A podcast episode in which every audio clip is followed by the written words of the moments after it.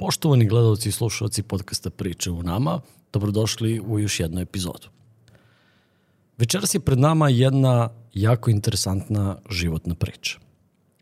Ovu priču priča nam neko ko nam dolazi iz sveta muzike i obrazovanja. Ako kažem frontman medicine benda, ako kažem profesor nemačkog jezika ili ako kažem samohrana majka jednog tinejdžera, svima je jasno da je večera sa nama Aleksandra Stojanović. Vidimo se za deset.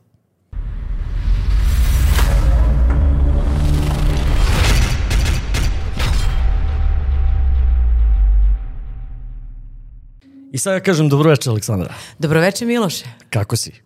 Odlično, hvala na pitanju. Kako si ti? Kako ti je sviđa najava? Um, uh, e, egzaktna, Ovaj, sviđa mi se, opisao si me u, tri, u sva tri segmenta onako kako bih i ja sebe opisala. Da li bi nešto dodalo? Ne. Ne bih još ništa dodavala, ali možda za godinu dana. Kaži mi ovako, ajde da krenemo negde od, od, od početaka. Uh Mhm. -huh. Pa išla si u Zaječaru u osnovnu školu. Koju si školu pohađala? E, osnovnu školu Đure Jakšić u Zaječaru. Da li si već u osnovnoj školi krenula da se baviš muzikom? Jesam, vrlo rano, još sa šest godina sam počela da pevam i onda me baka upisala u muzičku školu, odvela me na audiciju i od tada kreće moja ljubav prema muzici. Mnogo ranije zapravo kreće moja ljubav prema muzici jer mi je otac ovaj, basista bio uh, u bendu Senke, um, jedan od osnivača gitarijade zajedno sa Čika Mošom. Ovaj, I odrastala sam u svetu muzike, u mojoj kući se uvek slušala muzika, tako da sam vrlo rano razvila ljubav prema muzici. I krenula sam sa uh, šest godina u muzičku školu. Pa čim ti je otac bio jedan od osnivača gitarijada, verovatno je, odnosno, pretpostavljamo se slušala dobra muzika u tvojoj kući. Da, da, prva sećanja sa noše su Beatlesi, naravno. Šta se dešava kada krećeš u muzičku školu? Um, pa dešava se to da shvatam da još više i sve više i sve više volim muziku. Onda se srećem prvi put sa instrumentom, sa klavirom, kraljem instrumenta i tu shvatam da sebe možda mogu i da pratim dok pevam. I onda sam često kod kuće, osim klasičnih uh, kompozicija, sa ocem svirala i neke popularne ove kompozicije Beatlesa, Queen-a i tako dalje i tako dalje. Tu sam dalje razvijala sluh i shvatila sam, strašno sam volila miris muzičke škole i tu kamernu atmosferu ovaj, kad uđem uh, u tu zgradu. Jedva sam čekala svaki čas i klavira i solfeđa i pevala i u horu i sve mi se to jako, jako dopadalo. A da li završavaš muzičku školu? Nažalost ne. Zašto? Ove, pa pet godina sam bila u klasi jedne profesorke ove, Bistrike Glavić. Um, njen metod rada mi je jako odgovarao i postizala sam onako fine, fine, solidne rezultate, ali ja nikad nisam bila neki pijanista koji je par excellence, nego pijanista koji je više svirao na osjećaj i koji je muziku donosio onako um, iz sebe, kako bih se drugačije izrazila, ne znam. I onda me je zapazila jedna profesorka koja je rešila da me kao preuzme u šestoj godini. Međutim, ona je primenjivala neke metode koje su bile meni jako strane kod ove prethodne profesorke, reći ću nasilne metode. I ja to nikako nisam mogla da stvarim i nikako nisam mogla da to nekako um, savladam. I rešila sam da pred završni ispit u šestoj godini napustim muzičku školu. A kaži mi, tada si već bila u horu ili... Da, tad sam pevala, sve vreme sam pevala u horu. A, bila sam i solista na par takmičenja, u to vreme se u Zaječaru održavao Kristalni glas se zvalo takmičenje solista i horova. Pratio nas je orkestar Radio Beograda, bilo je jako lepo, ovo u pozorištu se nastupalo. Tu sam nastupala jednom. Ove, I tu sam videla da, da jako volim taj kontakt sa mikrofonom, da, da, se, da, se, da, da pređem na tu lepšu temu, da se, vra, da se vratim s ovog napuštanja muzičke škole ovaj, na tu lepšu temu gde mi je to stvarno ovaj, nekako ukazalo da će to možda da bude moj put. Srednju školu takođe upisuješ u Zaječaru. Tako je, gimnazija u Zaječaru. Gimnaziju u Zaječaru. Društveni tu, smer. Tu se susrećeš sa još jednom svojim ljubavi. Da, Glumom. tako je. Gde si krenula da glumiš? Ove, pa jednog dana, ove, bili smo druga godina srednje škole, ove, jednog dana su došli ljudi iz pozorišta, Vladimir Lazić, reditelj, i um, koreograf Pe Petar Rajković koji je ujedno igrao u prvoj postavi Kose uh, Atelje 212 ovaj, odradili su prezentaciju za nešto što se sprema u Zaječaru, a to je bila uh, mlada omladinska scena, dramska. Ovaj, meni je to odmah onako odjeknulo u glavi, rekli su da ćemo da radimo mjuzikle i tu je tako kliknulo kod mene i tu sam počela da se bavim i glumom. Prijavila sam se za audiciju i bila sam primljena na moju veliku sreću. Kaži mi, u jednom trenutku bivaš i izbačena iz hora u tako srednjoj je, školi. Tako je, tako je. Ove, pošto su se probe, probe dramske sekcije Felix Romulijana poklapale često sa probama hora, hor, je, hor se spremao za jedno jako bitno takmičenje u Španiji. Ove, ja nisam baš prisutovala svakoj ovaj, e, probi hora, tako da me je tadašnja ovaj, profesorka koja je vodila hor izbacila iz hora i rekla da i onako se nisam uklapala sa svojim prokletim vibratom. Ali tvoji planovi u tom trenutku nisu ni vezani za, Apsolutno za ne. pevanje, tvoji planovi su vezani za Broadway. Tako je, a, koji spaja ujedno sve ono što ja volim, a to je pevanje, scenski pokret, a, ples i glumu. I, ove, a kako sam ja uopšte došla na ideju o Broadwayu? A, u prvom razdu osnovne škole, mislim, sećam se kao juče da je bilo ovaj, na televiziji je bio film Kosa, Miloša Formana. Naravno, mama i tata su mi ovaj, rekli, sad ćeš da gledaš nešto mnogo dobro i slušat ćeš mnogo dobru muziku. Svi smo zajedno porodično odgledali to. Ja sam se potpuno vezala za, za taj, kako bih rekla, muzičko-scenski izraz. I onda kad sam čula reč musical, kliknulo je i ja sam samo u tom smeru ovaj, razmišljala u tom trenutku. Inače, u skladu sa, sa filmom Kosa, učestvuješ i u nekim buntovnim aktivnostima u srednjoj školi. Tako je, ovaj, zajedno sa nekim svojim drugarima koji su se takođe bavili rock and rollom i imali tako e, ideje koje su bile vezane za ljudska prava. Ove, naravno govorimo o vremenu kada je na vlasti bio Slobodan Milošević, kad smo bili u diktaturi, ako tako možemo to da nazovemo, za razliku, za razliku od danas. Ove, gde smo mi ove, došli na, ne došli na ideju, nismo došli na ideju, nego smo došli ove, do, do kraja da svoj bunt izrazimo. I ove, imali smo jedan ovaj, srednjoškolski protest, prvo su izašli gimnazi, gimnazijalci, pa su nas e, momci i devojke iz tehničke škole podržali, pa ekonomska škola. I ono što je najbitnije, podržali su nas i profesori u tom trenutku da, ovaj, da izrazimo svoj protest protiv situaciju u kojoj smo se nalazili u to vreme kao učenici. Hladne škole i tako dalje i tako dalje. Restrikcije bez grejanja. Restrikcije, tako, tako. Da. Dobro, kaži mi, ideja ti je bilo da upišeš glumu. Pa da, Ali, da, ali roditelji su naravno bili protiv toga. Ove, Vladimir Lazić je predložio to mojim roditeljima da bi, bilo, da bi bilo sjajno, da se time bavim i da to mogu jako dobro da spojim sa tim pevanjem. Međutim, naravno, roditelji su odmah zamislili život glumaca ovaj, koji podrazumeva putovanje od mesta do mesta, nastupe, ovaj, koji nisu uvek eh, u Carnegie Hallu, jel tako, i koji uvek ni- nisu uvek brodvejski i onda su ovaj, me stopirali od te ideje. I ja sam ih poslušala, da. I šta odlaziš da upišeš? I onda odlazim da upišem um, engleski jezik u Beogradnom filološkom fakultetu i ovaj ne upišem.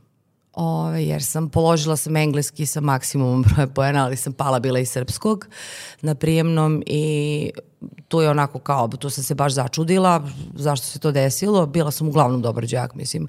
Ali eto, desio se pek. U to vreme su se moji roditelji razvodili i imali, imala sam situaciju u kući koja nije bila baš povoljna za za neki, kako bih rekla, stabilan napredak jednog tinejdžera, ali u tom trenutku, ovaj, pošto moja detka živi u Nemačkoj, um, rešavamo tako porodično da ja eto malo odem do Nemačke, da malo tamo upišem faks i da vidimo šta ćemo dalje. Nemački si znala u tom trenutku. Nemački sam znala u tom trenutku zato što su me naravno osim muzike i plesa i glume jako zanimali jezici uvek i to mi je jako dobro išlo od ruke. Tako da sam ja nemački u, u srednjoj školi ovaj, kao drugi strani jezik već dobro naučila do B1 nivoa. Tako da sam mogla da, da položim taj ispit kad sam, kad sam otišla u Nemačku. Odlaziš u Nemačku i sad tamo postoje neke opcije vezane za, za polaganje prijemnog ili za odlazak u taj pripremni da, da, razred? Da. Pa da, bila je opcija ili da se tri puta polaže prijemni i da se, ako se padne tri puta, ovaj, izgubi pravo na, na školovanje dalje. Meni je neka opcija bila bolja, zove se Študijen koleg. E, to je 13. razred. Ovaj, gde sam imala predmete vezane za, za ono što sam htela da upišem, definitivno bi bio jezik. A, ove, imala sam istoriju, geografiju, imala sam čak i Ustav Evropske unije koje su u to vreme bilo je u pripremi, književnost i tako te društvene nauke. I ovaj, u suštini jako sam se dobro snašla tu i eksterno sam polagala nakon jednog semestra, nisam ovaj, čitavi godinu dana pohađala taj studijen koleg i ovaj, dobila sam priliku da, da upišem prvu godinu germanistike. Šta upisujete? Germanistiku? Germanistiku, da. tako je, tako je, germanistiku. Ovaj, jer sam ja umeđu vremenu se jako srodila sa nemačkom kulturom i dopalo mi se sve u vezi sa tim, dopalo mi se život tamo. Odmah sam stekla prijatelje sa faksa koji su uglavnom bili Nemci, a študijin koleg sam po, pohađala sa ljudima koji su uglavnom bili iz zemalja trećeg sveta. Ove, ovaj, imala sam prijatelje iz Irana, Afganistana, prijatelji iz Turske, odnosno svoje kolege.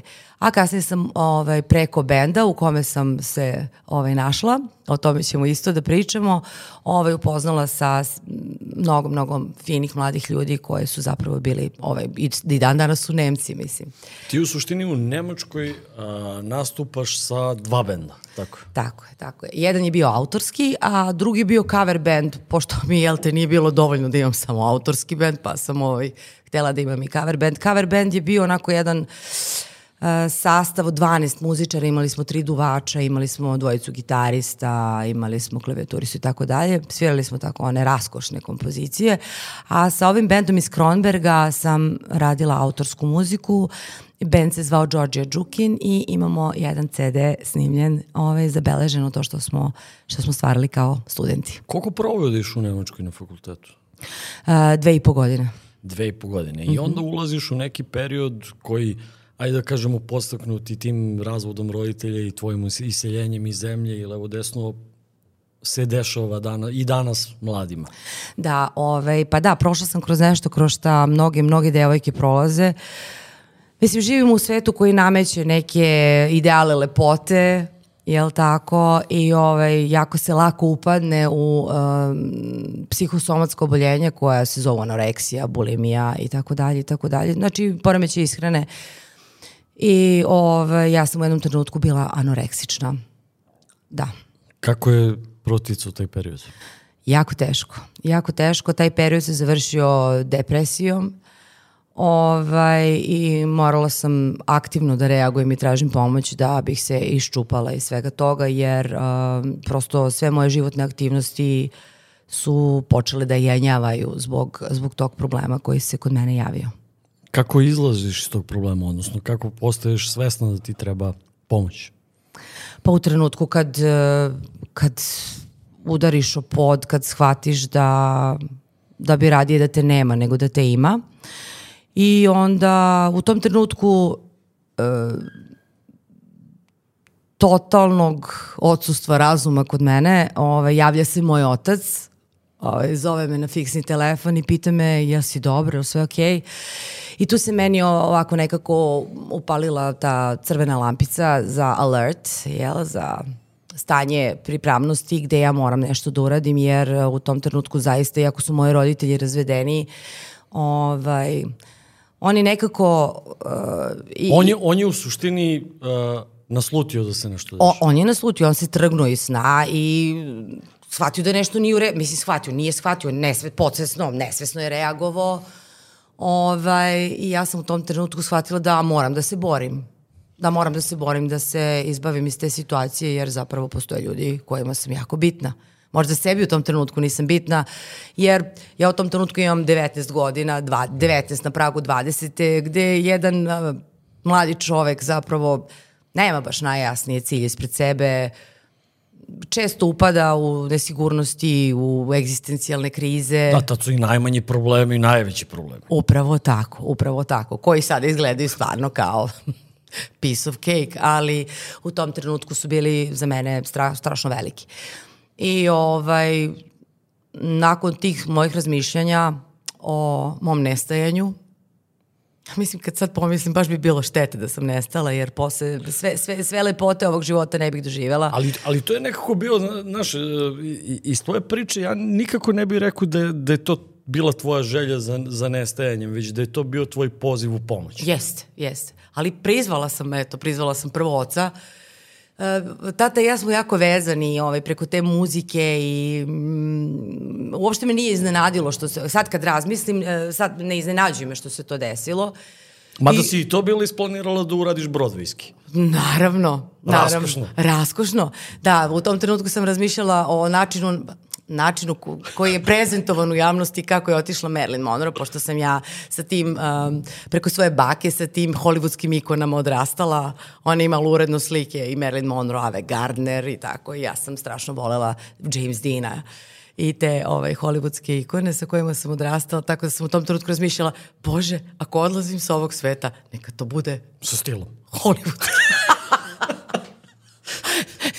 pa dobro, mislim. Um, to je tako bilo u tom trenutku. Dobro, a, kaži mi, Nemačka ima jasno ra razvijene metode kako se pomaže ljudima u tim situacijama za razliku od naše zemlje yes. gde je to vrlo da. škrto i dan danas. U, u, u suštini, vrlo je teško u Srbiji priznati da imaš problem. Tako je. Znaš, to, je, to ispada sramota ako, ako imaš neki psihički ako, problem tako u Srbiji. Je psihosomatski, fizički, kakav god problem da imaš ovde je, mislim, mislim srećemo se i dan danas sa tim stvarima. Međutim, tamo postoji jedan jako dobro razvijen sistem e, podrške ljudima koji se ne sastoji od odlazga kod psihijatra gde ti daju lekove za spavanje, gde prespavaš svoj život i posle ne rešavaš problem nikakav, odnosno uzrok problema koji se dešava, nego postoje ovaj, e, psihoterapeuti koji primenjuju neke metode koje nemaju veze sa lekovima, znači psihoterapeutske terapeutske metode. Ja sam se naravno javila sutradan odmah onako panično, tražila žute stranice, pozvala naj, najbližu ovaj, psihoterapeutsku ovaj, ordinaciju i oni su me uputili na, na uh, univerzitetsku kliniku gde sam imala prava da se ovaj, lečim kao student, da, da se obratim za pomoć, da kažemo. I ovaj, tamo sam uh, pohađala, nazvaćemo ih kurseve. Kurs. Kurseve, meditativne kurseve za samo pomoć. Ove, meditativne, ali zaista su bili meditativni kursevi tipa upoznaj svoje telo, A, imali smo muzičku terapiju, naravno i onu psihoterapiju kao iz filmova gde, gde psihoterapeut sedi, a oko njega ljudi i grupna onda, terapija. grupna terapija, tako je. Uh, i tako dalje i tako dalje i ovaj, taj meditativni period je trajao tri meseca. Ovaj, i Dijagnoza? Dijagnoza je bila, gospođice, vi ste suviše lenji da svoj život uzmete u svoje ruke. Ovaj, I ja sam to shvatila bukvalno. I rešila sam da od tog trenutka ja svoj život uzmem u svoje ruke. Naravno, to se nije desilo. Ali, do dan danas. Do dan danas. Ali bitna je ideja. A ka... bitna ideja. Idemo ka tome. Idemo ka tome, naravno. Dobro, kaži mi, uh, šta bi preporučila mladim osobama koji, koje uđu u, u probleme koje, sa kojima si ti ususrela u pitanju bila anoreksija, šta bi im preporučila da, da se obrate, kome da se obrate ako se to desi? Psiholozi, uh, mi imamo jako, jako kvalitetne psihologe. Uh, mislim da tu psiholog može, može mnogo toga da, da uradi i da, da uputi ovaj, osobu sa problemom na, na pravu stvar. Definitivno. I ako nemamo u okviru zdravstvenog sistema ovaj, nešto što se zove psihoterapija i što je jako bitno i kod uh, ovisnika o, o, o, o drogi, o alkoholu i bilo čemu. Jer ovaj, meni, je, meni strašno smeta što ljudi kad jednom upadnu u to nikako ne mogu da se iščupaju ovde i da im nema pomoći. To me jako uznemirava. I deprimira. Da. A, nakon toga ti si rešila da uzmeš život u svoje ruke i da se vratiš u Srbiju. U Srbiju. Majku. U kom trenutku se vraćaš u Srbiju? Vraćam se krajem februara 1999. godine. Pred bombardovanje. Tako je. Iz Nemačke u Srbiju. Da, ali um, vratila sam se sa puno entuzijazma i optimizma zato što se vraćam tu gde mi je poznato, gde su moji roditelji, gde ću naravno nastaviti studiju u Beogradu bez problema, jer ipak sam ja nemački student, studirala sam na Getovom univerzitetu u Frankfurtu, mislim, koji problemi još mogu da se dese. Tako je Pa razmišljala. recimo da naš fakultet ne priznaje jeteovim. da, da, da. Recimo da da. Ali, dobro, nismo još dotle stigli. Stigli smo do trenutka gde ja shvatam, vraćam se, jel te, iz jedne demokratske zemlje, iz jedne zemlje gde, gde su me svi prihvatili kao da sam njihov građan. Zaista, ja stvarno nisam imala nikakvih problema tamo što se tiče prihvatanja ili integracije. U bilo kom trenutku svi moji prijatelji bili su Nemci, svi uh, momci iz, band, iz mojih bendova bili su Nemci, svi naši kućni prijatelji bili su Nemci. Tako da, apsolutno ni u jednom trenutku nisam imala taj problem. I sad iz, jad, iz, jednog, iz jedne kosmopolitske atmosfere, gde mi odjekuje oda radosti u glavi, gde se gradi Evropska unija, gde će svi narodi biti jednaki, ja shvatam da će moja zemlja da bude bombardovana. To meni do mozga nije dopiralo, do, do zadnjeg trenutka i iako je bilo naznaka problemi koji su se dešavali u zemlji i tako dalje, bilo je naznaka da će doći do toga, ali ne, ja to uopšte nisam htela da prihvatim kao A takvo. u to niko nije verovao. Jel da? A, Pa, ja, ja se sećam tog perioda da sam sedeo kući, znam da smo, e, ja sam bio tad srednja škola, bio sam malo mlađi od tebe, mm -hmm. odnosno i sad sam malo mlađi od tebe. Pa! A, ali, ali, a, sed, sedeli smo i radili, spremali smo se za neki kontrolni iz fizike, ili tako nešto. I sad drug javlja, kaže, gledao sam na CNN-u, kreću iz avijana, kreću avioni na Srbiju. I ja izlazim iz, iz moje sobe i kažem ocu, kreću da nas bombarduju, on kaže, mrš bre, idi tamo uči fiziku. Čekaj bre, Tata, kre, kre, počinje rat. kreću da nas bombarduju. Znači, niko nije verovao da će to da se desi. Do poslednjeg trenutka. I mi smo to naravno zamišljali svi kao bombardovanje 1941. Krenu i nema nas. Prijatno. Nema nas, Nema ćao. ništa. Pa, a nije, on- onaj prizor je bio stvarno, kad se sad setim, onaj prizor poletanja aviona je bio, uh, horor. Pa meni su već Meni. horor bile, bi, bile sirene. Da. I, I sećam se, mada, mada nam prvog dana nisu radile.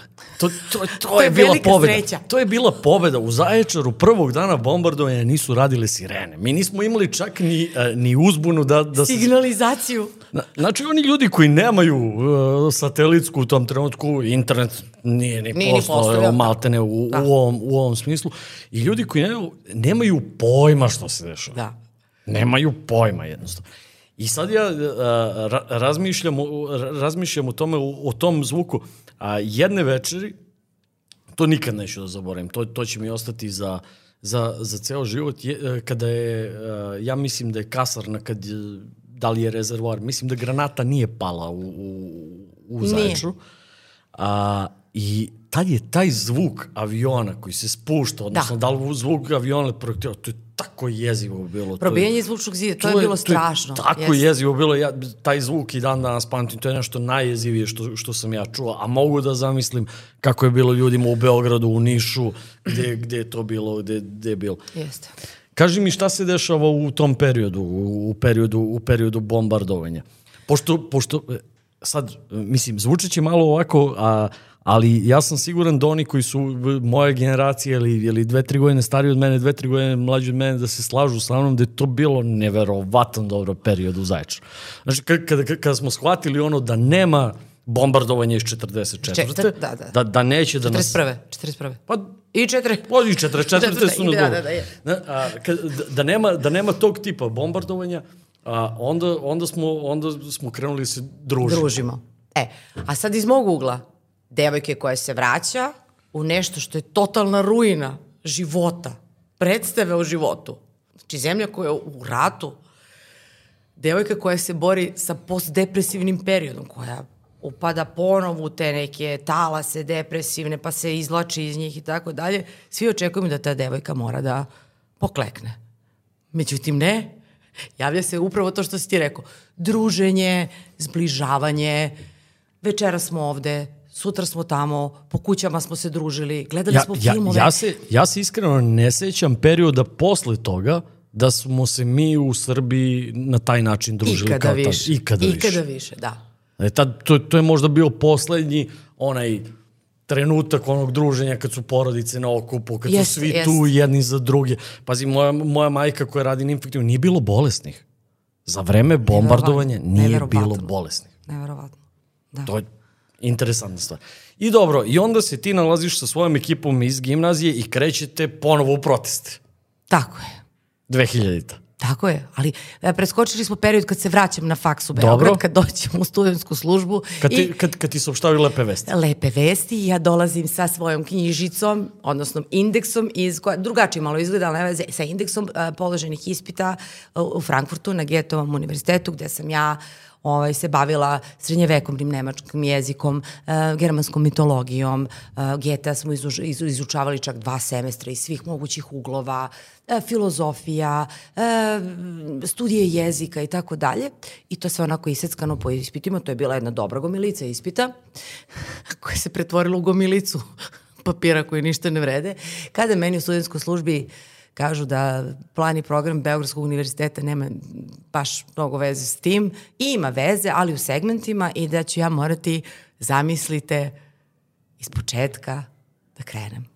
A jesi naišla na šaltersku službenicu iz Mićkovog onog romana ili, ili je to bilo ipak onako ljubazna jedna varijanta, polite? Lepo su ti Nije rekli bilo sve. polite. Nije bilo Uopšte polite. nije bilo polite. Bilo je koleginice, šta ste vi mislili? To, to je tako. Bože. Da, bo, pa mislila sam da, da, Da ćete nešto da priznate. Možda, da, neki ispitić, neki mali segmentić, neki ispitić, međutim ne, ja moram to sve iz početka. Naravno, ovaj, tu je jedna, jedna totalna demoralizacija, šta si radio dve i po godine, boriš se s ovim, sa onim. Dobro, krenem ja iz početka, otresem prašinu, od pada, dižem se ponovo kao Feniks i krećem sa studijama u Beogradu. Krećeš da učiš germanistiku na srpskom. Na srpskom. Tako je. Još jedno razočaranje. Ovo, jednom trenutku sam pitala kolega, je li ljudi, ovaj, kad ćemo mi od sad ovde malo na nemačkom nešto da slušamo neke... I tako. To, do toga nije došlo, osim što smo čitali dela na, originalnim, na originalnom jeziku, u originalnim formama i tako dalje i tako dalje. Dobro. Tu se dešava, da, protesti, opet drugari, Ovaj, da, to Isti. isti, isti svi ljudi, da, svi smo tamo na ulicama u Beogradu, ovaj, gde sam ja ekstremno ponosna na sve što se dešava u zemlji, ponosna sam što smo ovaj, skupili, smogli snage da se izborimo sa diktaturom, jer opet ja vidim neki tračak optimizma da ćemo malo da se približimo onome što ja imam kao viziju ovaj, E, jednog ali pazi, društva. tad, tad naša generacija preuzima vašu dužnost Jeste. iz 90-ih i ovde diže ljude. Tako je, tako je, da. A, 5. oktobar se dešava, dešava se taj, ajde da kažemo, neverovatni naboj energije, nade neke nove Jeste. i onda nas dočekuju 2003. tu, tu mi se sve srušilo. Meni, meni se u tom trenutku sve srušilo. Baš sam razmišljala ovaj, pre ove emisije šta bih rekla o tom, o tom periodu, kako sam se osjećala.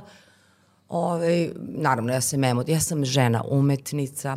Ovaj, ja, jako sam emotivno odreagovala. Ja, ja sedam dana ovaj, nisam mogla da prestanem prvo da plačem, jer sam znala šta ću slediti. Nekako sam znala da, da, da, da posle toga m, bit će samo ostaci te energije koja će da tinje i da će da se ugasi. Ja sam znala da će to da se ugasi, ali je to nekako bio put, ta moja nada puta ka ostvarenju društva u kome bih ja volala da živim, a da ne moram da se selim negde drugde i da to bude moja zemlja. Tu gde sam rođena, da tu mogu da gradim, da tu mogu da radim, tu mogu da pravim svoju porodicu.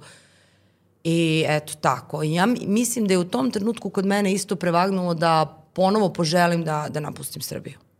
Što sam i učinila. Da, inače za, za, za neke mlađe generacije koje ne znaju o čemu pričamo, pričamo o atentatu na, Na, Zorana Đinđića. Na Zorana Đinđića. Na doktora Zorana Đinđića, da. I gde odlaziš? A, odlazim u Austriju sa svojim... Austriju. U Austriju sam otišla ovaj, sa svojim bendom koji me je kontaktirao nakon što su me čuli na Trikaduru ovaj, na kome sam se takmičila. I kako je bilo takmičenje na trikodu? Pa to je bilo jedno lepo iskustvo na koje me prijavila moja drugarica, tadašnja ovaj, cimerka. Pa jako lepo iskustvo, mislim, pratile su nas Neverne bebe, pa sad uživo nastupi. To je bila jedna jako ozbiljna organizacija, jako ozbiljna emisija, mislim. I izuzetno praćena emisija. Jeste. Ali sa, baš zato što je imala taj neki kad je live nastup i benda i kad nema playbacka i kad se tu pevač stvarno da, izvođači se daju, onda to poprima jednu, jednu drugu atmosferu i onda je to i lepše i za praćenje, mislim i bilo je uz- uzbudljivo što nije bio snimak, nego se išlo uživo i tako dalje i tako dalje. Koliko je taj treći kanal bio ispred svog vremena u trenutku kad Upravo je, kad je radio? Stvarno, tu su, tu su bili neki od najboljih i novinara i voditelja i... E, e, Ljudi sa fenomenalnim idejama i sa odličnim konceptom kako se te ideje sprovode sa minimalnim ovaj, tehničkim sredstvima, recimo. Ovaj, ono što mi iznenadilo je da je ozvuka u studiju bila fenomenalna, da smo imali odličnu kontrolu, to su, to su jako dobri tonci tamo, to su ljudi koji stvarno koji znaju šta rade. Tako da ovaj, susreti sa tim ljudima ovaj, koji su mi bili u žiriju recimo, to su bili ljudi iz mog detinjstva, ljudi koje sam ja znala sa televiziji. To mi je jako ovako prijalo da naiđem na neko njihovo odobravanje eh, što se tiče muzike, ovaj, onoga što ja radim. Da mi daju neki hint, da li je to, u stvari moja namera nije bilo da pobedim sad na tom takmičenju, nego mi je svaka nova epizoda bila kao novo uzbuđenje, Next level. Next level, baš tako. I stigla sam do super finala, mislim, uh, tim putem. Ovo, u žiriju mi je bila, to mi, to mi je najjači utisak bio uh, Snežana iz Suncokreta, ona žena što peva Snežana, ne mogu da se setim prezimena. Ne mogu ti pomoći. E, da, ali mislim ona peva pesmu Dolazi zima, mislim, koja dolazi... Znam koja je pesma. Da, svi znaju, svi znaju, sigurna sam. A, koja dolazi posle nastupa i kaže mi, nakon što mi je dala tri boda, sve, tri boda u gostima sam dobila ništa, dragi zvečarci, tri boda u gostima, ove, koja mi kaže, mala, ti mene mnogo podsjećaš na mene. Molim te, nemoj da izgoriš u svojoj želji. Tinjaj polako, uh, step by step, stepenik po stepenik, nemoj izgoreti u toj želji i nemoj nikada sad, odmah i sve. I onda mi ta, ta rečenica mi onako baš odzvanjava u, u, u glavi, jer sam je jako poštovala kao pevača i kao izvođač u tom, u tom trenutku. I tako, eto, to sam htela podelim sa vama. to je sve što sam htela da kažem u ratu u Vijetnamu. to, Dobro, nije ti bio sad isključen mikrofon, tako da ne možemo da, da, da poredimo sa tom Da. scenom iz, Da. iz Forrest Forrest Gumpa. Gumpa. Da. A, na Trikaduru te zapaža bend tako je. i odlazite u Austriju. Da, be, da, bend koji me je zapazio, pa, pozvali, pozvali su me basista i bubnjar telefonom i kao, ej mala, mi smo tebe čuli na Trikaduru, super ti to pevaš, mi imamo fenomenalan bend, jer bi ti došla da nas čuješ? A ja van turističkog duha kakvog sam, sa, sa hicima u mraku nepoznato. I uzela si život u svoje ruke. Molim lepo, od danas oslobodit ću roditelje svih mogućih odgovornosti. Jadni ljudi, ko zna kako su se osjećali na mom životnom putu. Ali dobro, ovi i dalje su nasmejani, dobri su, dobri su i zdravi. To znači su jaki ljudi. I um, odlazim da se s njima nađem i odem na, na njihovu probu, da ih čujem kako oni sve pripremili onako. O zvuku, sve super. To je prvi put da sam se ja zaljubila u bas gitaru i bubanj. To je neverovatan zvuk bio. U stvari, basista i bubnjar su bili razlog zašto sam ja htela da ostanem u tom bendu.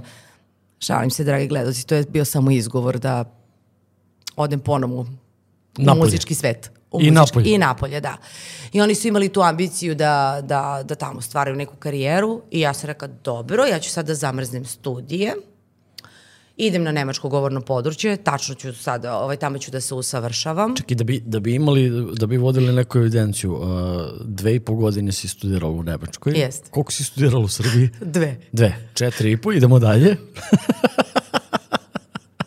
I tu, tu, tu stajemo sada sa tim i onda se ponovo, u suštini, uh, sumo sumarum, uvek je bila neka borba između te moje umetničke strane, znači muzika, ljubav prema jeziku. Muzika, ljubav prema jeziku. I stalno neki rascep između te dve stvari. U suštini ovo, bi, ovo mi je bio izgovor da, da nastavim da se bavim muzikom sa jako kvalitetnim muzičarima. Ja sam tu videla svoj, svoj napredak, kako bih rekla, challenge, jer su oni mnogo više znali od mene u tom trenutku o muzici i zaista sam ovaj, mnogo, mnogo učila od njih što se tiče te muzičke strane. Nastupate Nastupa, Alpima? Da, nastupamo na Alpima, bili smo smešteni u Tirolu, živeli smo uh, prvo u Innsbrucku, ovaj, neko vreme, u stvari u halu pored Innsbrucka. Ove, nastupali smo u ski centrima, to se meni jako dopadalo, međutim onda je i to sve počelo nekako da stagnira, a ja nisam osoba koja voli da, da stagnira u nečemu što radi. Njima je to bilo sasvim dovoljno, oni su se po, počeli da se bave nekim drugim stvarima, po najmanje muzikom, ta muzika je postala neka rutina i ovaj, ja tu nekako više nisam videla sebe. Nešto što ima veze sa prelaskom preko granice. Ma da, pa da, znate, one uobičajene stvari, pošto hendi, pošto kola, koliko, koliko treba da prevezem kola preko granice. Mene to nekako nije zanimalo u tom trenutku, nije bila sfera mog interesovanja. Ovaj, više sam volala da se bavim a, svime što sam mogla da dotaknem što se tiče te mm, germanske kulture, koja naravno postoji i u Austriji, znači više su me zanimale stvari koje mogu da saznam o istoriji i kulturi nego a, pošto auto. I tu se onda zaljubljuješ, koliko ja znam. Tako je. U tom trenutku, uh, pa sad zaljubljujem. Pa da, zaljubljujem. Ja, da, U čistog zaljubljujem. Nemca. Da. Koga sam srela ne u Innsbrucku, nego u, u Salzburgu. Dobro. Zamislite atmosferu. I koji nema veze s Nemačkom. Nikakve. Koja je sasvim slučajno tu. ovaj, um, Salzburg, grad Mozarta, predivna atmosfera, udubite se. Red Bulla. Mislim, za mlađe da znaju. Grad Red Bulla. Sedište Red Bulla. Sam. Aha, okej. Okay. Izvinite, ja sam iz prošlog veka generacija. Ona je 70 i neko da, Da, da, zna. da. da ja, ništa ja tu... Ja, se- ja se bavim onim starim vrednostima, da. A, dobro, upoznajem tamo momka. Ali to je interesantno ti pređe grad Mozart, ja kažem grad Formule 1. Dobro, grad... E, pa često sam prolazila pored, pored kuće Šumacherove. Eto, Pa da. eto. Ali ne starijeg Mihaela, nego onog mlađe. Kako se, Majka? Ma, Mike Š, Ralf. Ralf Schumacher. A, tako je. aha, misliš Često- brata? Da, Dobro. Burazora. Da, brata njegovog. Tu, tu, često smo tu prolazili pošto smo živeli u tom nekom delu grada. Dobro. I I Ljubav Cveta. E, momak je bio italijanskog porekla, italijanskog-hrvatskog porekla. Ovaj, šarmantan. šta mu dođe mešavina italijani i hrvata? Dalmatijanac. Pa on je iz rijeke rodom. Pa, to je to. E, a njegove priče je takođe zanimljiva, međutim on nije sad centralna tema naše emisije. Njegova priča je isto zanimljiva, ovaj, njegov otac je, se takođe bavio muzikom, uh, Riki je Poveri se zvao band i on je na nekoj turneji po Hrvatskoj, pošto su, jel te, povezani, upoznao uh, njegovu majku. Nemoguće. Da, upoznao je i obreo se u Hrvatskoj. Ostao je tu da živi. Ostao da u Hrvatskoj. Ostao je u Hrvatskoj, živi u Rijeci i tu se rodio taj moj bivši dečko. Dobro. I onda vi odlučujete, pošto band je krenuo da se bavi nekim drugim stranama. Mi dođemo na fenomenalnu ideju. Neverovatno. Neverovatnu ideju da možda ovaj, odemo za Italiju. Da. I onda smo skapirali da je tu sad najbliže nešto gde Da- možemo... da pređete granicu. Da, da pređemo tu granicu. Da, da, preko Verone, e, vozom. Dobro. Vrlo se prosto to, to, to je išlo. U stvari, e, on je drugačiji, on je iz Salzburga, ja, meni je bila još uvek, sta, stanište mi je bilo Innsbruck, pa mi je bilo lakše da ovaj, e, pro, proputujem Italiju tako i prva, sta, prva stanica Verona. Mene je sve to tako grabnulo i sve je bilo tako romantično i prelepo, jer ja Italiju strašno volim. Ovaj, preko Vilijama Šekspira opet nema nikakve veze, ali preko Rome i Julije i tako dalje. Još kao mala sam se zainteresovala o, i naravno za to je zaslužan Michelangelo, Leonardo da Vinci, da ne pričam dalje. Inter Milan. Da, naravno, molim te. Pa, Mislim, pa ne, malo pre dok si ti pričala o umetnosti, ja sam pričao o sportu, pa da nastavim. Pa naravno, da. interizam je naravno, ovaj, u mojoj porodici su se futbalske utakmice snimale, ja imam snimak na VHS ovaj, kaseti, snimak, naravno, moj omiljeni futbaler je bio Nicolo Berti, ovaj, koji je 1990. Ovaj, igrao, sve znam, Miloše, sve znam. Sve, možemo se- i o tome, Sve, možemo i o možemo tome. i o tome, kad god E, je zaželiš. San Siro ili Giuseppe Meazza? Oba. A ne, može oba. Jedni ne priznaju drugi. Ma znam jednom za malo da nastradam u Italiji, izjasnila sam se. Sedela sam u nekom društvu i sad jeli smo picu i sad ja pričam sa njima o futbalu. Ove, ja kažem, ja strašno volim Inter. Odjednom su svi zastali. Pogledi su krenuli ka meni. A ovaj moj dečko kaže, "I- promeni iskaz, promeni iskaz, ni- ni- ni- nije sad trenutak.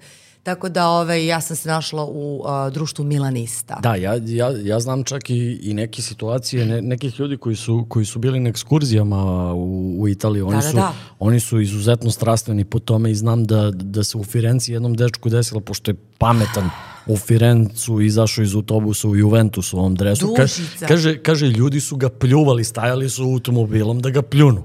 To, to, je, to je bilo strano, kaže, jedva je živu glavu izvukao. Italijani su vatreni, baš su vatreni što se tiče što se tiče tih hedonističkih stvari. Što se tiče života, obaveza, tu su malo onako Lagano, Da, opušteni. lagano. Lađare. E, kaži mi, kaži mi gde se stacionirate u Italiji? A, pa Pa Milano... mislim, dali smo im, dali smo gledalcima naznaku Jeste, gde. jeste. Milano je bio u pitanju. Meni se to dopalo jako. To, opet ja i moja vizija života. To je Milanska skala, to je Milanska katedrala, to je uh, to su poslednji radovi Michelangelovi, tu je obitavo Leonardo da Vinci. Šta može da bude loše tu? Apsolutno ništa. I sa puno entuzijazma zoveš oca da... Naravno, svo, pa koga drugog? Zovem svog oca iz govornice, na, naravno, u- imali smo novca koliko za sedam dana u hostelu, nas dvoje. Dragi gledalci, nismo imali neku finansijsku potporu, Ni plan. konkretan. Ali šta je život ako ne ovaj, bezbroj avantura iz kojih se izvučete ili ne? Ovaj. Da, um, i onda prvo što smo radili, ja sam ga onako povukla za ruku, idemo pravo, daj plan grada, kaže pa evo je plan grada, šta, hoćeš da vidiš? Ako odmah idemo na trg ispred Milanske katedrale i onda je to, to, to zdanje ispred mene onako se ukazalo i ja sam ovaj, doživala te prizore iz detinjstva, pošto je moj tata studirao istoriju umetnosti i često smo razgovarali o tim delima, zdanjima, umetnicima i naravno ja od uzbuđenja morala sam da ga pozovem, tata, jer znaš gde sam? Iz govornice. Iz govornice. To, to je jedan objekat koji ima postoji. telefon unutra i žicu i sa njega ubacite karticu ili pare, Pare. Pare Mhm. i onda okrećete broj i zovete nekog. Zovete nekog i onda se javi poznati glas oca. Ej, Alex, gde si? Kako je u Austriji? Tata, znaš, ja nisam u Austriji, ja sam sada u Milanu. U Milanu? Rekao, ne, samo da ti kažem da stojim ovde ispred Milanske katedrale i da je neverovatna. I on kaže, pa dobro sine, a šta radiš tamo? I ja mu onda kažem da ću ja malo sada tu da živim i radim, Sigurno 7 dana. 100%. A onda ću da se stavljam za kartu. Avionsku. Ako moram već da se vratim ove kući. I tako, umeđu vremenu smo našli posao, naravno on, pošto je govorio italijanski, ja u tom trenutku nisam govorila italijanski, ali sam se zdušno tr- trudila, pošto indoevropski jezici imaju, su povezani prosto gramatički i mo, može, mogu koreni da se reči prepoznaju i može vrlo lako da se uči ako ste lingvista.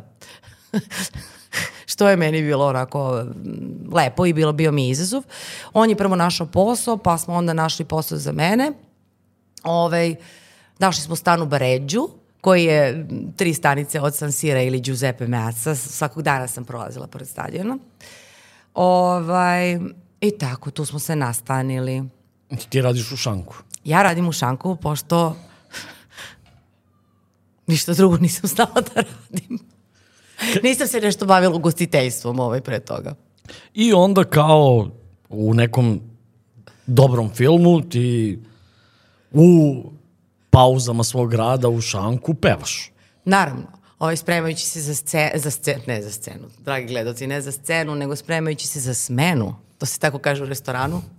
Ove, ja sam pevušila, na radiju je bio, išao, uh, išla pesma Fly Me to the Moon i ja sam tako pevušila kroz restoran, postavljala stolove i tako dalje i čula me gazdarica ovaj, restorana, je dotrčala od ozgo, pošto je to u sklopu kuće bio jedan, onako jedan, jedno zdanje, ona je zalevala cveće bila, pošto je bio divan prolećni dan. Ovaj, I si išla i pitala me kao, ti pevaš? Onako, uzbuđeno. Pa rekao, da, kao pevam, ono, prilično. Imala sam ja bend u Austriji, pa sam ih, pa ti baš dobro pevaš. o, reko, hvala vam. Nikad nisam znala da primim kompliment, ni dan danas. Vrlo mi je prijatno kad mi neko da kompliment. I onda ona meni kaže da tu svakodnevno uh, na ručak dolazi menadžerka, jedna, koja zove se Luiza Loza i koja, koja bi mogla da mi organizuje možda nešto, neku audiciju, bilo šta, jer se očigledno ove ženi jako dopalo kako pevam. I ja stupam u kontakt sa Luizom Lozom, koja me zove na razgovor kod sebe u kancelariju. Tu saznam da je sarađivala sa Erosom Ramacotijem, da je povezana sa mnogim, mnogim muzičarima koji su za mene bili ono kao, pa stvarno nedostižna misa uopšte, nisam ni pomišljala Laura Pausini i tako još, Ana Oksa. I pošto je Milano jeste e, muzički centar, ima najbolje studije za snimanje, I ona meni organizuje probno snimanje u Altavox studijima u Milanu, uh, jer, kaže, ona sad ima katalog tih, uh, pošto je menadžerka, ima katalog tih opcija za pevače, za muzičare, gde kome šta fali. I kaže, imaš sreće, je, imaš sreće. Ja sam uvek imala sreće. Kaže, imaš sreće, Matija Bazar, bend uh, traži novu pevačicu jer njihova stara odlazi u penziju, kao a ti otprilike imaš taj neki raspon koji ona ima i kao mogla bi se prijaviš tu za audiciju, ali treba nam jedan demo snimak tvoj uh, profesionalan i uh, to ćemo da uradimo u toku nedelja. Ja onako ne znam šta me snašla, ali jedva čekam da se to desi. Nikad nisam imala strah ni od čega što se toga tiče. Nekako sam uvek bila nesigurna u sebe, ali sam nekako uh, vola da se borim sa izazovima koji se tiču muzike. Dobro, uh, odlazim u studio i shvatam da će moj snimatelj za taj dan da bude Danilo Ballo, koji je uh, producent za evropsko tržište e, jazz pijaniste Čikorije. Tu ja ostane, ostajem bez nogu, znači meni su se oduzele noge, ja uopšte nisam bila svesna da li mogu da pružim, da li ću zadovoljiti, da li neću, gomila pitanja u moje glavi, međutim rekla sam sebi, uđeš, pevaš, I gotovo. I gotovo, to je to, mislim, koliko znaš, znaš, prođeš, ne prođeš. I njega je moj glas zainteresovao, tog dana sam odabrala, pevala sam, odlično sam strateški razmišljala u tom trenutku valjda, pevala sam četiri različite izvođača, četiri različita tipa muzička. Nijedan nije Indira. Nijedan nije Indira. Pa, ja mislim da Indira tada nije ni postojala kao pojam. Ja sam se, ove, da. Ili jeste? Ne znam. Ne znam. Ma jeste postojala kao pojam, jeste. Četiri, četiri opcije. Četiri, četiri, četiri kompozicije, da. Jedna je bila Anastasia, uh, jedna je bila Madonna, onako nešto, rekao, možda im se više sviđa neki pop. Madonna, jedna je bila Sting i četvrta opcija je bila naravno Tina Turner. To mi se onako jako dopalo u tom trenutku da pevam. I ja sam njega zainteresovala svojim glasom, Danila Bala, i onda je on isključio od da kaže, imamo snimak, sve to, pa rekao, treba da vratim? Ne, ne treba da vratiš ništa, kao sve je bilo okej. Okay. Ovaj, by the way, nikada na boljoj opremi u studiju nisam pevala nego tog dana. To je, to je neverovatno. To je san snova. Evo, čisto da vam kažem svoj utisak. I onda me pratio na klaviru i rekao mi je, dobro, poslaćemo mi snimak, kaže, tu će devojke iz čitave Italije da šalju snimke. Uh, a, ja imam neki bolji plan za tebe, bolju opciju da, da sastavimo band za tebe i da krenemo da sviramo po Italiji. I ja kažem zašto da ne. I krenu probe. E sad, pazite, čućete do kraja, zašto uvek ono što je mnogo lepo nije uvek i mnogo dobro? Tako je. I molim vas da izvučete učenije, pogotovo mlađe generacije koje gledaju ovo, da, da shvate da sve te prilike koje vam se ukazuju jesu bajkovite u tom trenutku ponekad, u stvari u mnogo, mnogo slučajeva mogu da imaju jedan o, jednu tamnu pozadinu. Tako Ali da idemo sad prvo bajkovito. Idemo bajkovito, da. Tačno. Kreću probe, sastavlja se bend od, od muzičara koji dolazi iz Torina, um, muzičara iz Milana, basista nam je čak bio sa, sa muzičke akademije, jazz bas je studirao. Uh, A, imali smo jako mladog bubnjara koji je bio 22 godine ima u tom trenutku. Bio je neverovatan talenat i on je pohađao akademiju za bubanj. Uh, gitaristu iz Torina su, su nam doveli, su mi doveli, pošto je to bila, bila, bila Alessandra e, trupa, znači Aleksandra i band. Uh, Ovaj, I onda su počele probe, međutim ja neiskusan pevač kakav sam bila. Ovo sve zvuči kao da imam veliko, veliko iskustvo, međutim često radimo nešto, a ne znamo kako da ga uradimo kako treba. Nedostajalo mi je tehnike pevanja i ja ostajem bez glasa tu. posle pet dana intenzivnih proba. I menadžerka kaže, slušajte momci, vi ćete sad bez nje da probate dalje, vi spremate repertoar. Repertoar se sastojao, sastojao iz uh, italijanske muzike, znači imala sam čak i lektorku koja je radila sa mnom, oko izgovora. Sve je bilo jako, jako ozbiljno. Sve mi se jako dopalo što je tako. Uh, pola repertoara je bilo engleskog repertoara. I onda mi je, stavila me u auto i rekla sad idemo ovaj, na jednu muzičku akademiju. Kaže, tamo radi moja prijateljica Francesca Olivieri, koja će da te preuzme od danas, da sa tobom radi na usavršavanju tehnike pevanja. To je valjda najlepši trenutak u mom životu. I kasnije Petar. Francesco Olivieri i Petar, pa da. Reći. Petar i Petar i Francesco Olivieri. Ne, ja ovako idem, okay, okay. Uh, idem istorijski, istorijskom metodom. vremenskom linijom. Vremenskom, vremenskom linijom, linijom. Da, okay, okay. da. Ovaj, I um, otišli smo u tu underground akademiju uh, gde se zaista ta moderna muzika svirala. Uh, iz, jedne, iz jedne sobe je dopirala, dopirala, dopirao gospel hor iz sale, iz druge neki jazz orkestar, neki soul orkestar, mislim, bila je jedna onako lepa opuštena atmosfera, a ja od glasa nisam imala ništa. Znači, samo vruć vazduh. Ništa, ništa. Uh, Bila sam jako uplašena, to mi se prvi put u životu desilo da potpuno ostanem bez glasa i onda je naišla Fran Francesco Olivieri, omanja lepotica u svojim 50. godinama sa dugom kosom, tamnom, koja puši Lucky Strike. I meni tu kreće po glavi, kako sad puši žena, prede, što, gde su jaja, gde je med, čuvanje glasnih čuvanje žica. glasnih žica, ne pijemo gazirano i to. I to je prvo pitanje koje sam, koje sam je postavila i ona mi kaže, ma kakve cigare, kakve to, to nema nikakve veze. I onda mi je oporavila glas sa 15 minuta nekim vežbama koje mi je pokazala. Bila je da sam jako uplašena i da sam jako stegnuta i meni počelo grlo da radi u tom trenutku. Ja sam nastavila da idem kod nje na, na časove pevanja. I u trenucima kad je ona meni pokazivala ovaj, kako šta se peva, ona je bila um, profesor za jazz i gospel pevanje, ni manje žene, žene ni veće glasa. Znači, to je, pevala je kao Mahalia Jackson, znači to je nešto nevjerovatno.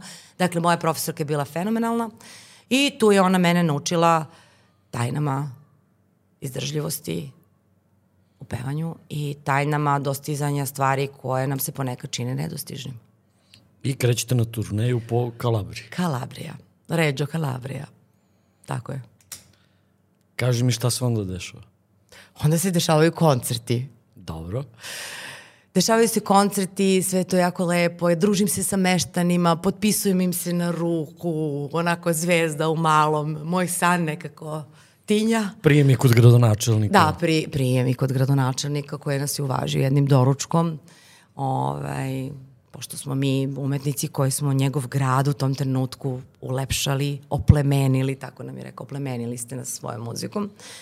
Sve to je bilo jako lepo. Međutim, ja primećujem da svakodnevno ovaj, vođa benda podnosi, razgovara sa nekim satima, razgovara sa nekim i podnosi mu izveštaj gde smo bili, šta smo radili, ko se kako ponašao, da li je neko sinoć pio u gradu, ko je šta jeo i tako dalje i tako dalje. I meni je sve to bilo onako malo čudno pošto sam poznavala njegovu ženu, nije bila control freak, nije, sigurno, sigurno sam bila da nije sa njom razgovarao, aj što bi pričao o nama, jel?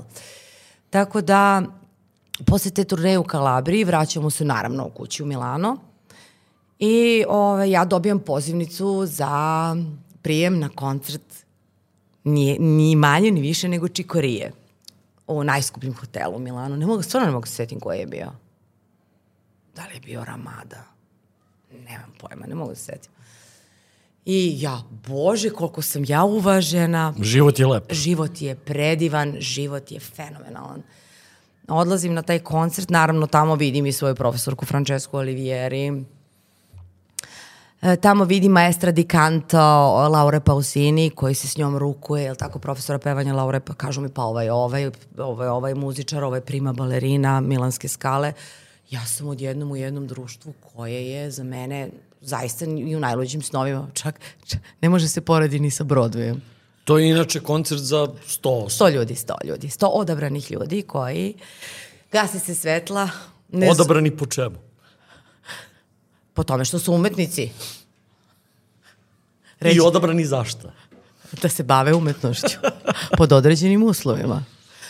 I gasi se svetlo, ne zuje elektrika, pošto je bio ovaj akustični koncert, moramo da citiramo našeg Bajagu.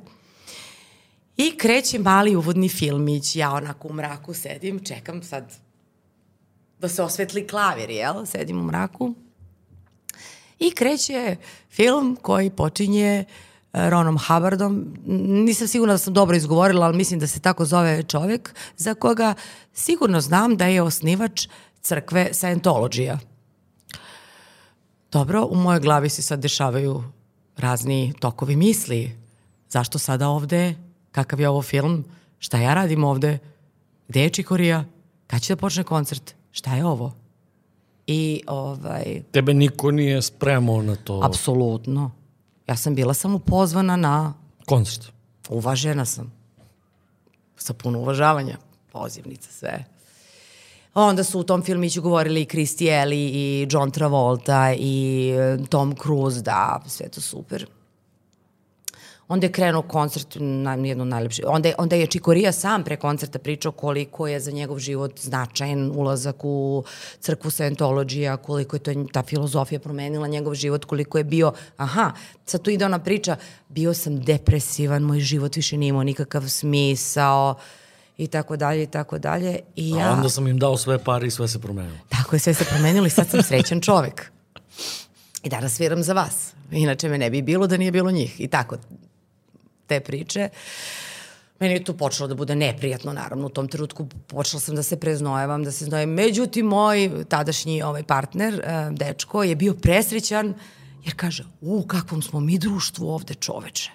I to sve zahvaljujući tebi, ljubavi moja.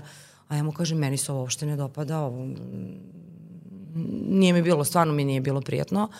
Nema veze, upoznala sam se sa Čikorijom, posle smo otišli na potpisivanje CD-a, popri, popričali smo malo sa njim. A onda je posle nelju dana usledio novi poziv za sastanak sa nekim ljudima u crnom. Ove, ne, ja se to malo karikiram i prezentujem um, drugačije zato što taj trenutak u meni jeste ostao kao neka vrsta, pa nije trauma, ali onako jedan gorak trenutak u mom životu, gde mi dolazimo na tu adresu i stojim ispred staklene zgrade, na, čijoj, na čijem prednjem delu stoji ogroman plavi neonski krst sa nekim zracima. E, reko, super, tu smo. Na zgradi piše Chiesa di Scientology. Reko, sjajno mi sad ovde moramo da uđemo. I to nas čekaju ovi moji muzičari iz uh, benda. Sve to super, tu je moja menadžerka, sve liči na Rozmarinu bebu, film. Ove, mi ulazimo tu, stavljaju me za jedan veliki sto. Isto kao u filmovima. Tako je tu dolazi neka gospođa koja mi kaže, e, ovo je materijal za vas koji ćete proučiti, a sada ćemo da vas prevedemo kroz našu zgradu, da vidite koje sve uticajne ljude imamo u svojoj organizaciji. I naravno, tu vidim potpise, autograme, svih ovih koje sam navela, još nekih koje sam potisla. Uh, I ovaj, da ne dužim dalje, u suštini trebalo je da pohađam neki seminar opismenjavanja u tom smislu, upoznavanja, ne, ne opismenjavanja, upoznavanja sa filozofijom Rom, Rona Hubbarda. Ovaj, I tu nam nude šta, šta ću ja sad, koji ću korist imati od e, crkve Scientologija, dakle imaću mesečne prihode, ne mogu da se setim cifara, nebitno imaću obezbeđen stan, auto, položaj u društvu, prođu na sceni muzičkoj i tako dalje i tako dalje. To je otprilike kao uh, u filmu Skulls, ako si gledala film. Mm, ne. Pa isto tajno udruženje. Dobro. Radi se o američkom tajnom udruženju u kom ne znam koliko je predsednika američkih dalo i tako dalje i svi studenti neke otprilike završne godine jedva čekaju da im da im se dostavi koverta sa pozivom za, Da, da, za da, da, da, učlanjenje aha. u, U to društvo. U to društvo. U to društvo. Inače, društvo se zove Lobanje, Skulls. Da, da, aha, aha. E, aha. E, pogledat ću ja to. E, i onda, mislim, ima dva dela, ali drugi je baš bez veze, drugi je loša Aha. kopija prvog dela, ali onda kad uđeš u to društvo odmah dobijaš Naravno. bankovni račun, auto ili motor u zavisnosti šta hoćeš, status u društvu, dobijaš mentora koji se stara naravno, o tebi naravno. i tako dalje. Mislim, verovatno je to, to negde to. Pa bilo bi sigurno tako i onda bih morala, onda mi je prvo što mi je palo na pamet je ja ovde gubim svu svoju slobodu. Ja ovde prestajem da budem slobodan čovek. I ja nikako nisam mogla sa tim da se, ne da se pomirim, nisam mogla da se suočim s tom idejom. Moj partner je bio oduševljen, eto, sredili smo život, to je to, sad će sve, ja naravno nisam pristala na tako nešto. I, ovaj, rešila sam da se vratim. Gde? U Srbiju. U Srbiju, u majku Srbiju. U majku Srbiju, da. Dobro. Vraćaš se u Srbiju. Da. I šta se onda dešava u Srbiji? I onda ove, ja sa tim jednim dva kofera koliko sam imala, bila sam jako srećna što sam sletela na, na Mislim, tvoja, da se kažem na stadion, tvoja, na aerodrom. Tvoja, pri, tvoja priča je tipičan primer one anegdote sa i to će proći. Bukvalno. Bukvalno, to je tako. Znači, sad, i, i sad najbolji trenuci i najgori trenuci u životu, Prođu. sve će to proći. Tako je, baš tako. Vraćaš se u... Bez partnera, moram da naglasim, zato što smo imali par nesuglasica. Ovaj. U stvari, ne par nesuglasica, bazično smo se razlikovali ovaj, što se tiče interesovanja u životu i tako dalje. Njega, mislim da sad ne zalazim u detalje, nebitno je, mislim, totalno. Ovaj, vraćam se kući, jel tako? I taj osjećaj, ono, imala, imala sam utisak kao da sam ponovo, ponovo slobodna u nekom smislu, u smislu, ej, nema ovih ljudi koji će me terati da radim to, to i to. I tu ja već počinjem da shvatam da ja ne želim da budem deo estrade, bilo koje. Jer to znači u, u mnogo slučajeva zatvor. I Ne znam, ja sam to tako doživala. Možda ljudi imaju različite iskustva, možda će drugi ljudi u ovoj emisiji možda koji su na estradi pričati drugačije, ali moj doživljaj, možda sam, samo nisam imala sreće da, da je doživim u toj punoj svetlosti, ali mislim da sam potpuno u pravu. Što se tiče mene, da ja prosto nisam mogla da vidim sebe nikako u tim nekim okovima um, ljudi koji će mi govoriti kako da se izražavam, kako da se ponašam i tako dalje i tako dalje. Tu se zaljubljuješ? Taj glagol je jako često u ovoj emisiji. Zaljubljivati se. Pa da, zaljubljujem se u, u Petrovog oca. Dobijamo Petra. I od tog trenutka kreće epoha Petar. Vrlo brzo ostaješ sama? Da, vrlo brzo ostajem sama. Odlučujem da ostanem sama. Uh, Ova, I od tog trenutka se o Petru brinem samostalno, naravno, naravno uz punu podršku ovih divnih ljudi koji su se tresli na mom životnom putu, koje smo uh, uh, ranije pominjali, otac i majka, koji su se isto i posle razvoda nekako paralelno razvijali što se tiče mene, što se tiče života uopšte, bez obzira što su bili u rastavi, ove, jako su dobro komunicirali, pogotovo kad je Petar došao na svet, svi smo jako dobro komunicirali i u odgajanju njegovom i u podršci meni i njemu i u svemu što je bilo potrebno. Tu apsolutno nikakvih problema nije bilo. I onda... Bili smo lagani, što kažu klinci danas. I onda u jednom trenutku ti i Petar krećete zajedno u školu. Jeste, kada je Petar navršio dovoljni broj godina da se smorio u predškolskom sa šest godina, rekao ja ovo stvarno više ne mogu. Ja ne mogu više i znam da krava kaže mu i da ovca kaže be. Jel mogu ja da pređem na neke konkretne stvari da učim i onda je poželao da krenu prvi razred. I meni je to bio onako super okidač da Da, postoji još jedna žena koju nisam pomenula u mom životu, to je moja baka sa kojom sam odrastala, koja je sve ovo vreme koje sada navodimo, a, nekako sanjala da ću ja jednog dana ovaj da, da završim fakultet.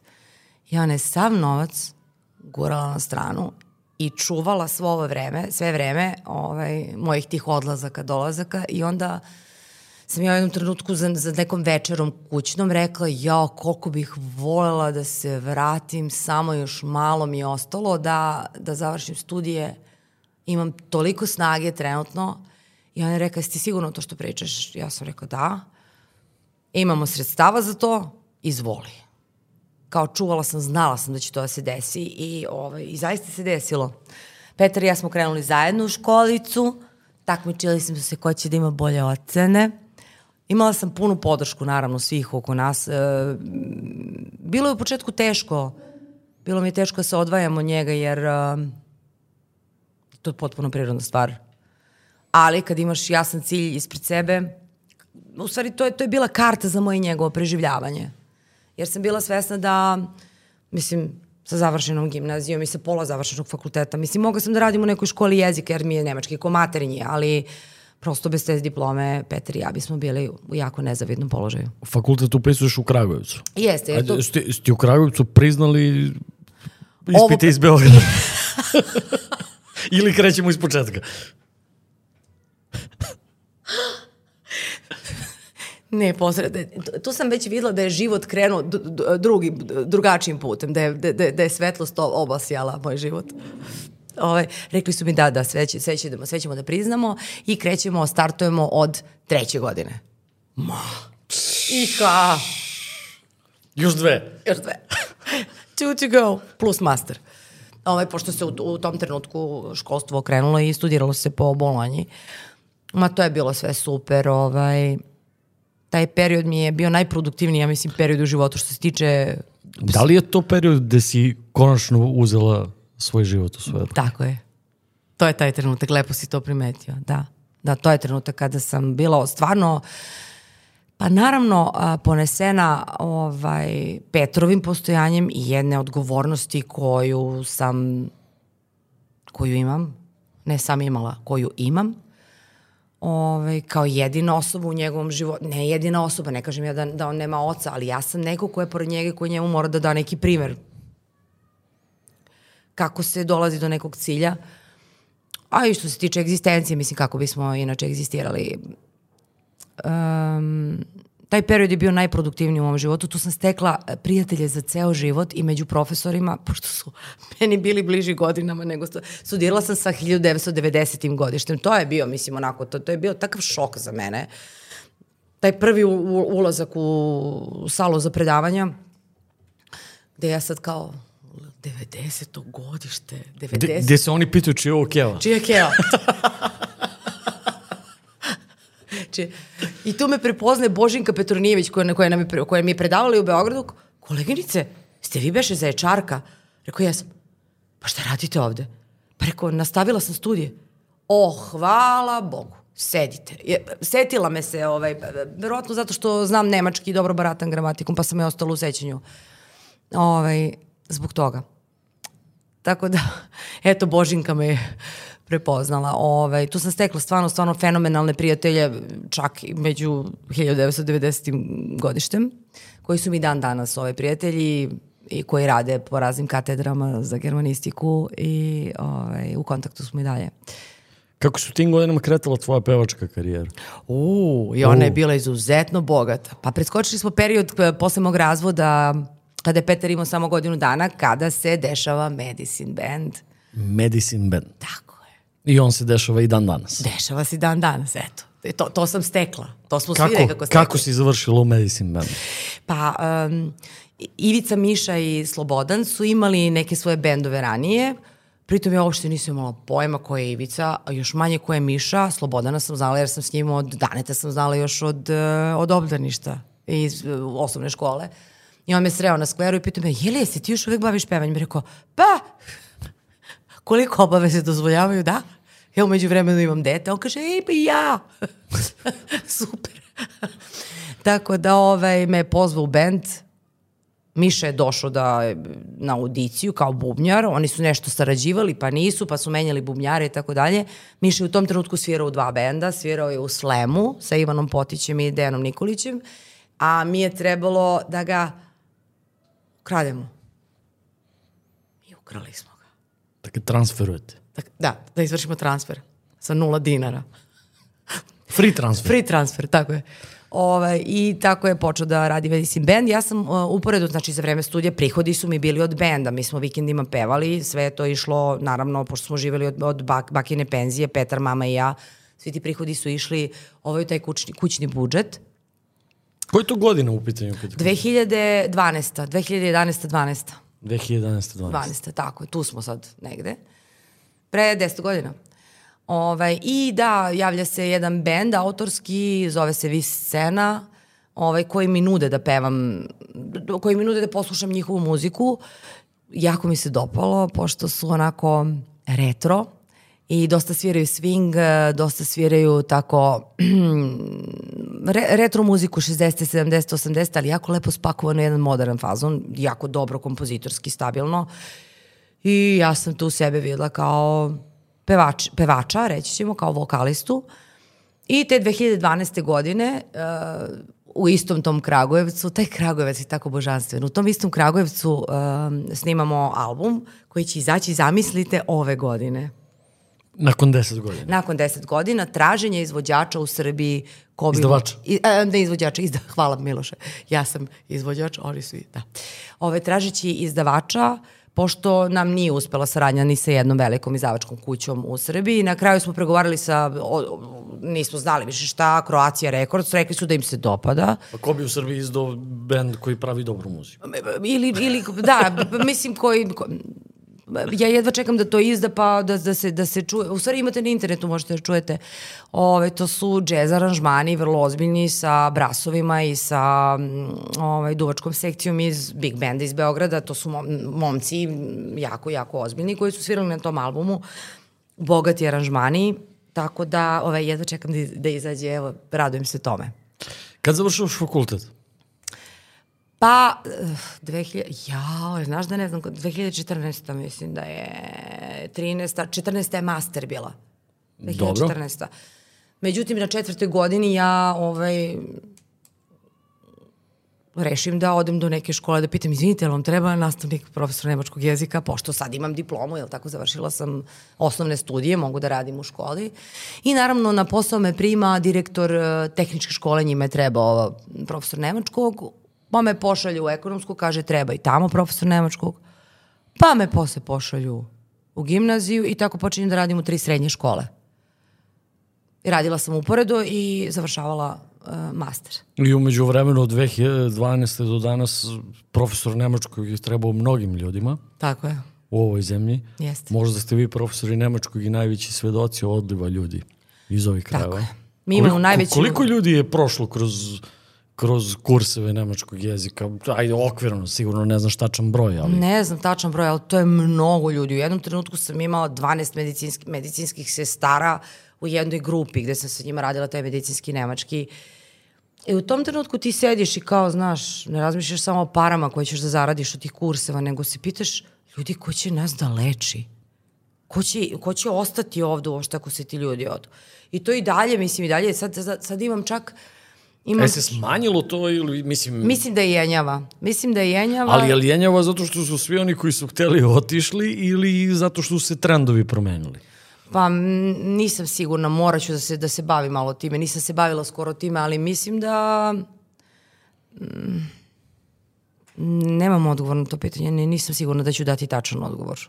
Jer e, ankete koje se rade sa mladima su poražavajuće u smislu koliko koliki procenat mladih želi da... Želi da ode. ode. Odavde. Da uopšte ne razmišlja da ostane ovde.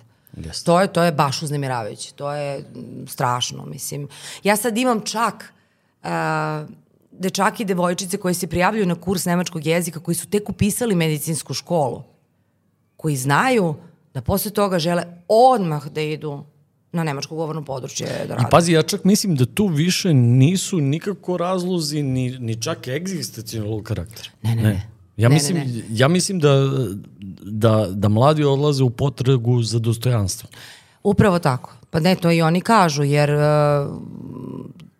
znamo svi kako nam izgledaju ustanove, znamo svi u kom su nam stanju ovaj, zdravstveni školski sistem. Ajde, školski neću da pominjem, sad pričamo o tom nekom zdravstvenom sistemu. Uh, oni prvi put kad odu na praksu, oni shvate da, da moraju uz pomoć štapa i kanapa da, da da, da, da ovaj, primenjuju te medicinske metode. Pa ne samo medicinski. Dosta struka radi Jest. pomoću štapa i kanapa. Da, da, da. Kaži mi, uh, kakav je osjećaj biti frontman, izvođač jednog od najpopularnijih bendova, pa ne samo u Timočkoj krajini, ja mislim da i šire. Trenutno. Pa osjećam se vrlo zaštićeno, osjećam se jako, ponosno na taj naš put koji smo prošli, jer to tek treba da se izdaju memoari Medicine Benda kroz koje smo sve situacije prošli. Šta smo sve preživali i doživali i ostali zajedno. I taj osjećaj da iza sebe imaš trojicu a, muzičara koji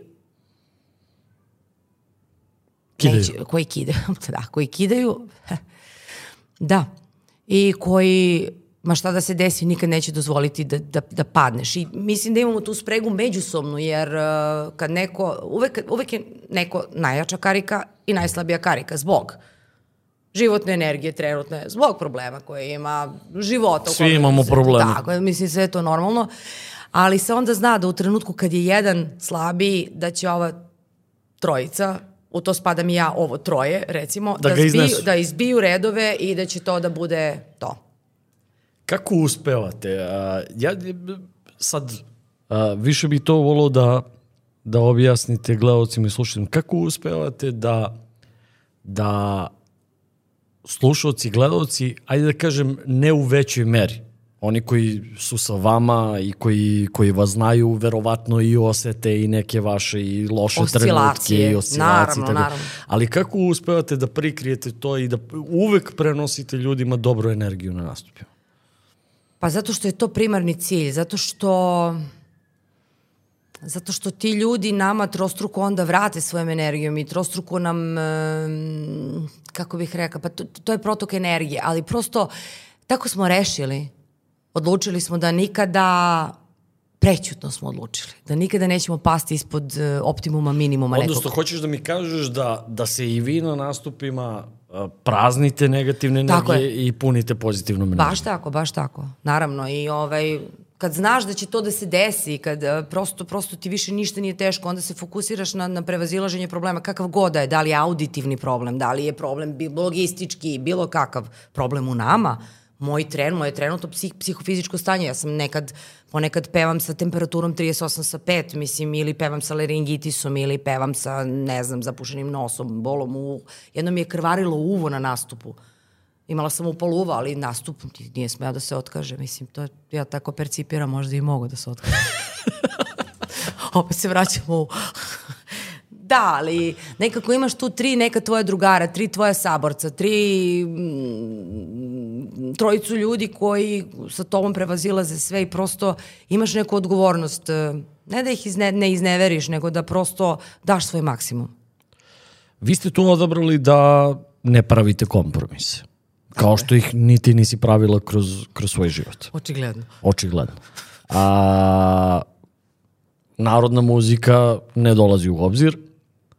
A, svira, imate odličnu svirku i pored tolike popularnosti koju imate, a, vi morate da svirate na polju da biste preživjeli. E, tu dolazimo, do- sad mi, sad mi sinulo nešto, ovaj, zašto je to tako? Pa zato što čak i u umetničkom svetu ovde um, se tebi kao izvođaču diktira šta ćeš da pevaš. Zato imamo situaciju da cover bendovi svi sviraju jedan te isti repertoar. Znači, te večeri ako nisi odsvirao teške boje, ako nisi odsvirao perspektivu, ako nisi odsvirao jedno bijelo dugme, pa čak i po neki magazin, pa nekog Dina Merlina, pa šta ti uopšte sviraš? Na sve se, riblju čorbu gde si u ovom glupom hotelu, to ako se ne svira. Ili mislim da- pogledaj svoj dom anđela. Da, da, u, pa to je, to je, to je već simfonijska pesma, ja bih to, znaš, ali ako ne, pe, ne pevaš, ne znam, uh, kako se zove ona pesma Mokre ulice od Azre, tu dolazi... Ili od Dejana Cukića. Ili Dejana Cukića, pa da, snimali su i duet njih dvojica. Mislim, nemam ništa protiv tih izvođača, ali prosto smatram da bendovi ne treba da sviraju jedan te isti repertoar, da je u stvari treba da postoji spektar različitih bendova koji će muziku donositi na najbolji mogući način u skladu sa svojim mogućnostima. I onda... I osjećam svojim. Naravno. I osjećam, jer uh, ti, ako si došao, na, ja bar tako razmišljam, trebalo bi svi, ta, trebalo bi svi tako da razmišljaju. Da bi vam bilo lepo na nečijem koncertu, da bi nam bilo lepo na nečijem koncertu, treba da dođeš sa predidejom da si došao da slušaš muziku, da, da, da joj se prepustiš, da osetiš vibe tih ljudi koji su na bini. I da si došao da slušaš Medicine Band, a ne Azuru, recimo. E, recimo, na, na primjer. I da jer mi, mi, smo, mi smo izgradili takav stil, po tome smo specifični svuda, tako nas svuda i najavljuju da smo band koji uzme nešto i od tog napravi nešto sasvim drugo na svoj sobstveni način. Autentično. Autentično, tako je. I ove, rešili smo da ne ličimo ni na koga, da ne imitiramo stilove, nego da uzmemo prosto pesmu, jer svaka kompozicija je podlež, podložna promeni i da, da uzmemo kompoziciju i da je na svoj način izvedemo i urodilo je plodom, moram da kažem. Ovaj, dve naj, najizazovnije stvari koje smo uradili jeste Aquarius iz, uh, iz muzikla Kose, koji, gde, gde, gde imaš ne, ne znam koliko izvođača na bini, koji smo sveli na gitaru, bas, bubanj i glas. Ain't nobody, Chaka Khan i tako dalje, tako dalje. Tako da i mi sebi stavljamo te stepenike što se tiče muzičkog nekog uspona, uspona stalno, da bismo napredovali muzički, da bi sebi ovaj, prosto davali zadatke. I koliko, ne, koliko vidim, uh, izuzetno ste prihvaćeni u jednoj susednoj državi. Tako je, koja Rumunije. se zove Rumunija. Tako je, ovaj, tamo... tamo A ne svirate vlašku muziku. Apsolutno ne. Ne, pa skinuli smo dve, dve rumunske pesme koje sviramo u sobstvenom nekom aranžmanu. Um, napravili smo kao neki medli, zato što želimo tim ljudima da ukažemo poštovanje i um, pa, poštovanje. Jer, mada, je, mada je rumunska muzička scena izuzetno jaka. Jeste, jeste. Pogotovo ta, ta moderna sada. Imaju jako, jako dobre bendove. I ovaj, to smo uradili da bismo njima ukazali poštovanje, jer ipak kad se pojaviš i kažeš nešto na, na jeziku zemlje u kojoj si, to ipak nešto znači i to je jako, lep, ovaj, jako lepa stvar i do, dobijemo mnogo do pozitivne energije kad izvodimo te pesme. Ovaj, šta sam htela da kažem? Htela sam da kažem da tamo možemo da budemo svoji, da nam tamo niko ne diktira šta ćemo da sviramo. Kad sviramo po klubovima, klubovi su fenomenalni.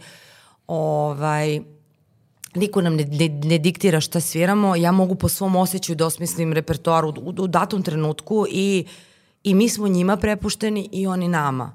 Potpuno. I onda se tu desi fenomenalna energija i svi kući odemo sa osmesima ogromnim i publika. Ima. A se toliko kultura razlikuje između, između Rumunije i Srbije ili vi imate tu sreću da, da ste naišli na takvu klijentelu pa tamo možete i venčanja i svadbe da snimate? Da, sviramo. da svirate? Da, da, da. O, pa naišli smo, očigledno nas je eh, put naveo na, na neke ljude koji su onako uh, kako Mislim, bih rekla... Mislim, da ih niste svirali ovde. I ovde je bilo par Jeste, venčanja tu i tamo, ste, tu i tamo, da, da. Neko ko je poželo takav bend, ali to je redkost. Mislim, to je zaista redkost. Mi ne možemo sami da to sviramo ako nije u kombinaciji sa nekim... Mislim, ipak je to veselje, ali tamo je to jako dobro organizovano. Mi recimo sviramo 4 puta 45 minuta svog repertoara i između nas se smenjuju DJ, tradicionalni band, mi, znači to je jedan bogat program koji čitavog dana ovaj, ide, mislim čitavog dana, 6-7 sati, ali mi apsolutno, kako bih rekla, sviramo samo svoje, isključivo samo svoje repertoare. E sad, pored toga što si majka jednom tinejdžeru i što, što ja kažem izvodiš ga, ja mislim, na pravi put, a pored toga što držiš privatno časove mm -hmm. nemačkog jezika, što radiš u školi, što sviraš u medicine bandu, ti si stigla i uh, neke, nekim osobama i časove pevanja da držiš. Tako je. Ove, ovaj, da, i na to sam neverovatno ponosna zato što mm, zato što su njih dve uh, nekako ostvarile taj put na onaj način na koji bih ja, da sam im roditelji, želala da ostvare taj put. U pitanju su Lena Stamenković i Milica Anđelić. Lena Stamenković sada trenutno ovaj, uh, studira kompoziciju ona pravi svoju muziku. Ona je, mislim, nešto skoro izbacila neki Tako single. je, ona, ona pravi svoju muziku, ona se bavi produkcijom, ona je potpuno otišla, potpuno razgranato, a sećam mi se kad je imala 10 godina, kad smo pričale o tome, kad je bila ovako mala, ovaj, kada, kada smo se spremale za onaj show na... Pinkove zvezdice. Dobro. Ja sam protiv toga, ali, okay. ali dobro. Mislim, nema veze, ali mislim, e, ta saradnja sa njom, uh, saradnja sa njom, mislim, to nije bila saradnja, to je bilo jedno druženje jedne devojčice i jedne devojčice koje se sastojalo od pevanja, od uh, učenja tekstova, tada i njen engleski nije bio baš uh, najbolji, bila je mala, baš je mala bila. Ali ona sve to savladavala onako fenomenalno, uh, znači red pevanja, pa onda pravimo frizure, pa se šminkamo i tako dalje, dve devojčice. Ove, um, drago mi je da je izrasla u to što jeste i što je postala takav muzičar kakav jeste i što, što je interesuje muzika kao pojava i što želi da se njome bave samostalno. A, druga osoba je Milica Anđelić, koja je, ja sam sa kolegini, evo to, taj segment uopšte nismo dotakli, a to je dok sam radila u srednjim školama, uh, ovaj, koleginica koja preda engleski i ja smo imale muzičko-dramsku trupu koja je integrisala 40 učenika iz svih uh, srednjih škola, svako je mogo da dođe na audiciju. Bili su podeljeni prema tome da li dobro igraju, da li dobro pevaju glume, znači radili smo mjuzikle. I u jednom trenutku je naišla i Milica, um, kada je upisala ovaj, prvu, prvu godinu gimnazije i tu je počela, tu sam ja počela da radim sa njom, prvi susret sa mikrofonom njen i tako dalje i tako dalje. I eto, ona je posle svega toga ipak odlučila, ne kažem da je to moj uticaj, ali nekako je shvatila da je to put kojim želi da ide i eto ona ostvaruje možda neki, nešto što sam ja htela da ostvarim, a to je da upišem muzičku akademiju ovaj, i da budem prosto akademski muzičar. Uh, E, ja sam je podržala u tome maksimalno, uh, jer mislim da je to jedini pravi put da, da radiš ono što voliš, ne da budeš rascepan između zanata, onoga što voliš i tako dalje, nego da prosto ideš tim svojim putem i da ga ostvariš do maksimuma. A mislim da je to najbolji put. Ona je upisala Jazz Akademiju za solo pevanje u Gracu i ovaj, jako je uspešna u tome. Uh, i mislim da prednjači na svojoj klasi da je izuzetan, izuzetan talent i naravno veliki radnik koji zna šta je potrebno da se dođe do cilja. Moje sledeće pitanje, a, ja sam te pitao kad, kako izgleda, izgleda to iz perspektive, ja, ja moram a, da, da gledalcima a, predočim da se karte, odnosno da se mesta za, za Medicine Band kada, kada nastupa u Zaječaru rezervišu napred, u, u fazonu da se lokali zovu i kažu a, rezerviši mi kada bude Medicine Band svirao, a ja bih sad hteo da nam ti kažeš kada, mi, kada ćemo mi imati prilike da vidimo ponovo Medicine Band u našem gradu. Uh -huh. e, nastupit ćemo 2. 2. januara, odmah iza novogodišnjih slavlja ovaj, u omladinskom centru u normalno vreme kao i uvek, tako da eto tada I to je to što se tiče Medicine Benda. A htela si da pozovemo i na humanitarni, na humanitarni koncert, pošto ove, to je jako bitno. To je jako bitno da organizujemo takve stvari. Humanitarni koncert će se desiti 22. znači sledeće nedelje, 22. januar na isto mesto, je tako, Omladinski centar, ovaj, u organizaciji grupe Revolt, to je moj srednjoškolski band. Uh, uh, moji vršnjaci sa kojima volim da sviram i ovaj, da pozovemo ljude da, da nam se pridruže te večeri. Aleksandra, meni samo ostaje da ti kažem hvala puno što si odlučila da svoju priču podeliš u moje emisiji. Hvala tebi Miloše i nadam se da će biti korisna za neke mlade ljude koji možda imaju neke nedoumice. A mi se vidimo ponovo za sedam dana. Doviđenja.